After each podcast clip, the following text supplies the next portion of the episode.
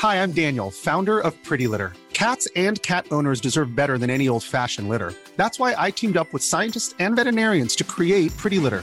Its innovative crystal formula has superior odor control and weighs up to 80% less than clay litter. Pretty Litter even monitors health by changing colors to help detect early signs of potential illness. It's the world's smartest kitty litter. Go to prettylitter.com and use code ACAST for 20% off your first order and a free cat toy. Terms and conditions apply. See site for details.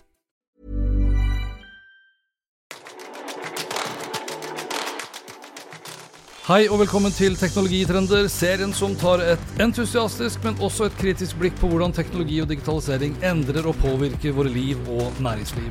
Episoden presenteres av Episenter, Oslos hub for digital innovasjon og et økosystem for innovative selskaper i vekst. Gå inn på episenteroslo.com og bli medlem du også. 23.3 ble TikTok-sjefen grillet av amerikanske lovgivere i Kongressen og om TikToks kinesiske eiere har kjent på frykten om et totalforbud i USA før, så vil de nok definitivt gjøre det nå.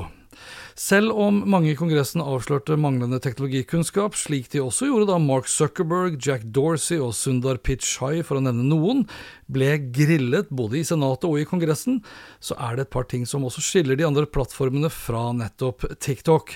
Mest av alt det kinesiske eierskapet og frykten for at Kina har skaffet seg tilgang til 150 millioner amerikanere de kan både høste data fra, og ikke minst da manipulere alt ettersom hva som passer dem best. I forkant av høringen var det også mye som tydet på at TikTok hadde skjønt alvoret, men i etterkant av den over fire timer lange høringen, ja, så var det egentlig lite som tydet på at TikTok hadde en tilstrekkelig god og grundig nok plan for hvordan de skulle håndtere problemene som kongressmedlemmene pekte på, og da på en tilfredsstillende måte.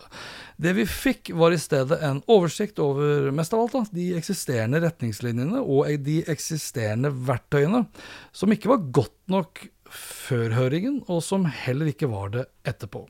Og det var ikke bare nasjonens sikkerhet og innbyggernes personvern i Amerika som bekymret kongressmedlemmene, men deres mentale helse, altså til brukerne, sto også da på spill. Og her var heller ikke TikTok-sjefen god nok, vil jeg påstå, ei heller kunne han forplikte seg i så stor grad som kongressmedlemmene mente var nødvendig, for da at plattformen skulle bli mindre skadelig for de unge. Og eh, Mr. Chu, som har kinesiske eiere i form av ByteDance, som har Doyen i Kina, hvor det ikke finnes challenges f.eks. som fører til dødsfall osv., klarte heller ikke å forklare hvorfor det er mulig å lage et trygt sosialt nettverk i Kina, men åpenbart da umulig å gjøre det samme i USA. Listen over hva TikTok må gjøre for at appen ikke blir stengt eller forbudt i USA, den er lang. For Kina har jo allerede sagt at det er uaktuelt å gi ByteDance tillatelse til å selge seg ut av TikTok i USA. Samtidig så kan TikTok, ByteDance og det kinesiske kommunistregimet trøste seg da med at det, det holder jo ikke at Kongressen alene vil forby TikTok. Det må en lovendring til før Biden kan stenge og forby TikTok som sådan i Amerika. Personlig så tror jeg det vil komme. Tross alt vil de fleste amerikanerne forby appen. Unntaket i så måte er selvsagt, og kanskje ikke overraskende, da, generasjon Z, som utgjør en stor del av plattformens brukere. Men heller ikke her er det unntak.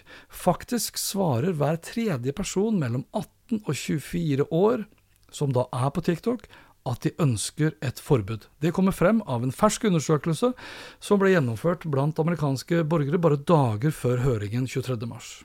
Totalt svarte 57% av alle over 18 år at de ønsker et forbud.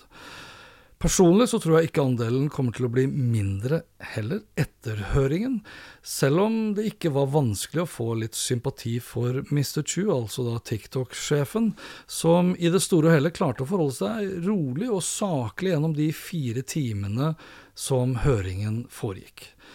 Og det til tross for en ganske så brutal, til tider frekk og kunnskapsløs spørsmålsrunde fra de amerikanske kongressmedlemmene.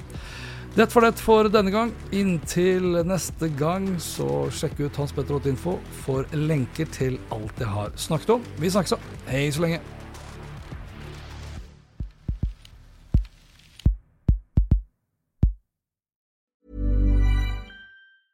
Hi, I'm Daniel, founder of Pretty Litter. Did you know cats tend to hide symptoms of sickness and pain? I learned this the hard way after losing my cat, Gingy. So I created Pretty Litter, a health monitoring litter that helps detect early signs of illness by changing colors, saving you money and potentially your cat's life. Pretty Litter is veterinarian developed, and it's the easiest way to keep tabs on your fur baby's health right at home. Go to prettylitter.com and use code ACAST for 20% off your first order and a free cat toy. Terms and conditions apply. See site for details.